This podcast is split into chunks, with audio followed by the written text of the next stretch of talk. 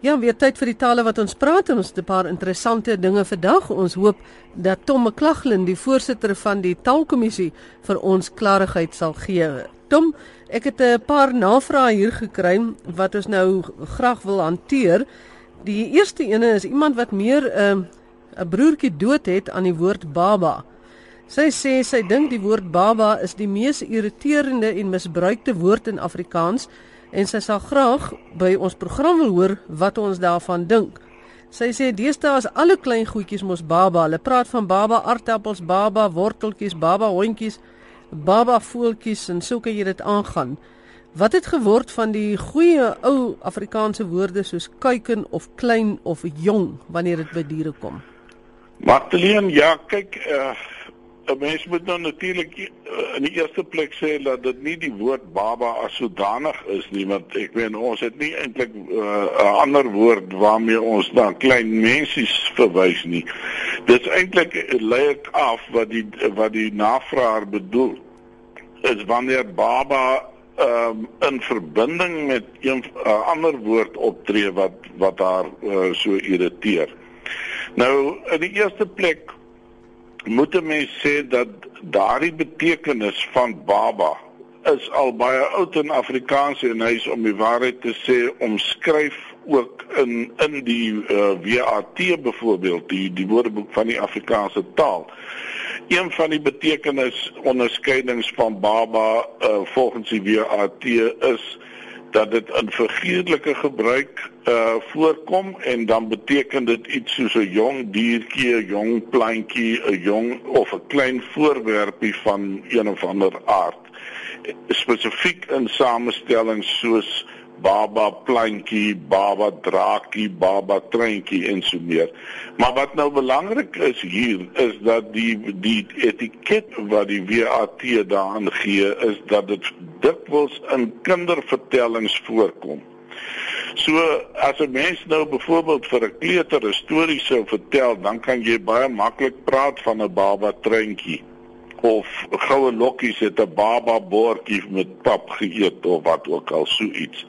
As 'n mens dit in gewone sal ek nou maar sê groot mens taal te veel gebruik, dan is dit inderdaad 'n baie steurende ding en 'n mens kan die die, die ander alternatiewe wat die navraer genoem het inderdaad gebruik en dit sou ook die wenslike ding wees. Maar hierdie betekenis en gebruik van baba is oud en gevestig in Afrikaans. Maar net soos wat 'n mens uh byvoorbeeld met die oormatige gebruik van verkleinwoordjies 'n bietjie oorboord kan gaan, kan jy met baba in ander samestellings ook 'n bietjie oorboord gaan. Ek sou byvoorbeeld nie graag in 'n restaurant wil gaan sien dat ek baba aardappeltjies moet bestel saam met my vleis of wat. Jy weet daar so jong aardappels of wat ook al die aangewese ding wees. Ag moedertjie Tom, baie dankie vir daai verduideliking. Maar nou sy sê ook hierso 'n baba is 'n kleintjie van 'n mens finies en klaar. Ja, wel, eh, soos ek sê, as jy mens nou net praat van 'n baba, jy weet dan is dit inderdaad so, maar daar is ander betekenisse ook wat 'n mens moet onthou, uh, jy weet uh, mense sou byvoorbeeld in gesinsverband kon sê dat Piet of Sunny is die baba van die gesin en dan kan hulle al almal in die 50 of ouer wees, jy weet as bedoelende maar net die jongste. Maar dit is hierdie gebruik van in die samestellings wat nie oordoen moet word nie, want dit is in die, dit is wesentlik eintlik kindertaal.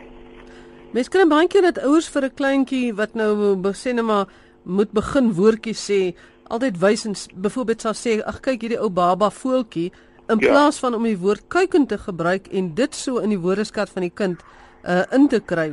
Miskien moet 'n mens of ouers en onderwysers onthou dat 'n mens sommer van vroeg af eerder die verkleinwoord wat vir daardie spesifieke dier of plant is gebruik in plaas van net klein voeltjie of klein plantjie of nee, dis ja, nou verkeerde voorbeeld. Ja, dit dit is miskien so, maar aan die ander kant moet 'n mens ook altyd onthou dat 'n mens mag geneig is om 'n soort kindertaal te gebruik wanneer jy met 'n baie jong kind praat. Jy sal sê, "Ag, eet net die ou baba bietjie vir mamma" of so iets. Jy weet, dit, ja. dit is half natuurlik en 'n mens kan dit nie heeltemal uit jou taal weer nie.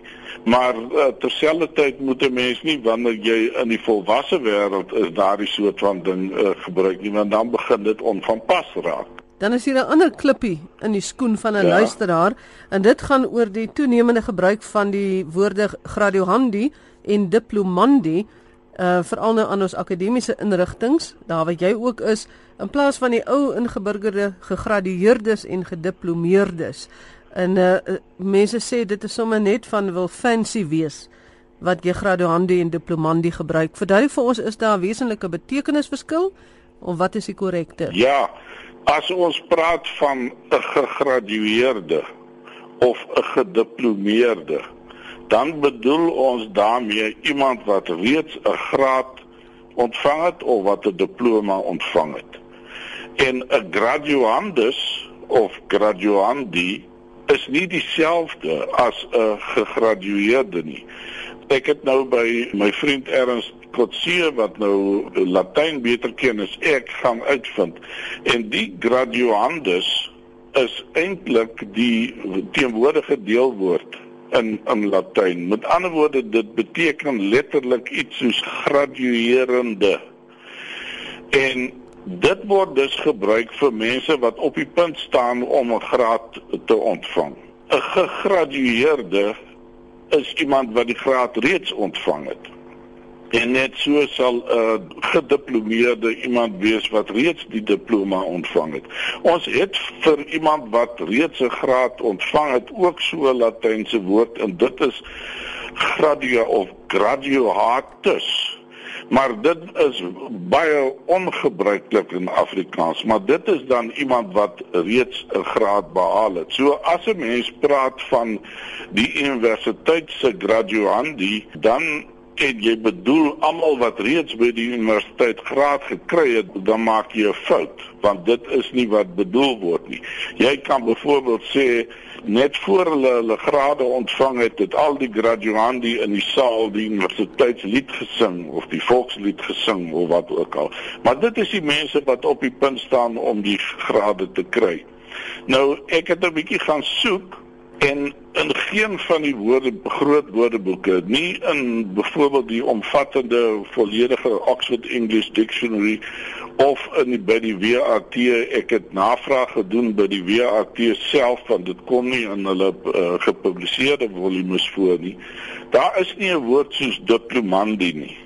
Dit moet iets wees wat iemand eers uit en uit na analogie van graduandi geskep het Maar dit is eintlik 'n woord wat uh nou wel 'n mens kan natuurlik sê omdat hy na analogie geskep is, kan hy seker het hy sekere bestaansreg want daar's tientalle soortgelyke voorbeelde in in alle tale. Maar dit kan nie beteken mense wat reeds diplomas ontvang het nie. So ek sou bovendien, jy weet, 'n mens kan sê ek gradueer van vanaand met ander woorde ek ontvang vanaand 'n graad. Maar ek kan nie sê ek diplomeer vanaand nie. Dit moet wees 'n diploma word aan my toegeken of die universiteit diplomeer my. Ek kan nie self diplomeer nie. So daar is heelwat besware wat 'n mens kan inbring teen 'n woord soos diplomandi. Dis in elk geval iets wat omtrent nie in standaard tekste voorkom nie en dit is nie iets wat ek sou aanbeveel nie. Daar is iets wesentliks fout daaraan. Uh en al verklaring wat ek daarvoor kan gee is dat dit na aanleiding van uh graduandes en graduandi geskep is. So dit lyk vir my dat taal is soos baie van ons vroue nie ook nie altyd so logies nie. nee, dit is nie so logies nie. Jy weet, soos ek gesê het, ons het in Afrikaans heel wat voorbeelde van woorde wat logischerwys eintlik geen sin maak nie, maar wat na analogie van iets anders geskep is. Ehm um, 'n tipiese voorbeeld daarvan is die woord ou kersaand wat na analogie van ou jaarsaand geskep is. En dit het heeltemal ingang gevind. Maar op die oomblik is 'n uh, diplomandie nog nie heeltemal daar nie. Net nog, wat is die herkoms of dan nou die uh, meer geleerde woord etimologie van die weg wat ons aantref in bywoorde soos blootweg, stilweg, rolweg, vaagweg, lugweg, normaalweg ensovoorts. Magdalene, ek moes nou 'n bietjie gaan uh, grawe om agter die kap van daai byl te kom. En dit is nou nogal interessant terwyl ons juist nou van analogie skepings gepraat het. Ek het nou gaan kyk in die woordeboek van die Nederlandse taal, die WNT. En die etimologie woordeboeke wat daar uh, ook aan daardie webwerf gekoppel is. En daarvolgens is die oudste van daardie woorde wat bekend is, is verreweg En daar beteken albei eintlik maar net albei dele van verre weg beteken maar in 'n hoë mate. Weg het daar die gewone betekenis wat ons eintlik het in die sin van ver van iets wees of verwyderd van iets wees. Met ander woorde, as jy nou uh, iets sou sê dan soos dit is verre weg die mooiste, dan beteken dit letterlik dis ver ander kant wat mooi is. Dis ver weg van die mooiste. So ver weg daar beteken letterlik in 'n hoë mate weg van die mooiste. Ander kant die mooiste in 'n hoë mate dus die mooiste of watter ander ding jy ook al met verre weg wil beskryf. So dis eintlik nog hoër en beter en verder as die oortreffende ja, trap. Ja, ja, ja. En nou sê die WNT interessant genoeg dat op grond van hierdie prototipe verreweg het daar nou 'n hele klomp ander koppelinge ontstaan waarin 'n bywoord soos in hierdie geval nou ver koppel aan weg sonder dat weg eintlik regtig ware betekenis het daaraan hy dra nie 'n betekeniselement by nie. So as 'n mens nou net sê gewoonweg, dan dit beteken eintlik maar net gewoon of gewoonlik. Die weg dra niks by nie, maar hy is geskep na aanleiding van of na analogie van verreweg wat alreeds in die 15de eeu in Nederlands bestaan het. So dit is nou nogal 'n tipiese voorbeeld ook van hoe analogie skepping werk. Baie dankie Tom McQuagten, die voorsitter van die Taalkommissie. Interessante verduideliking wat jy daar gegee het.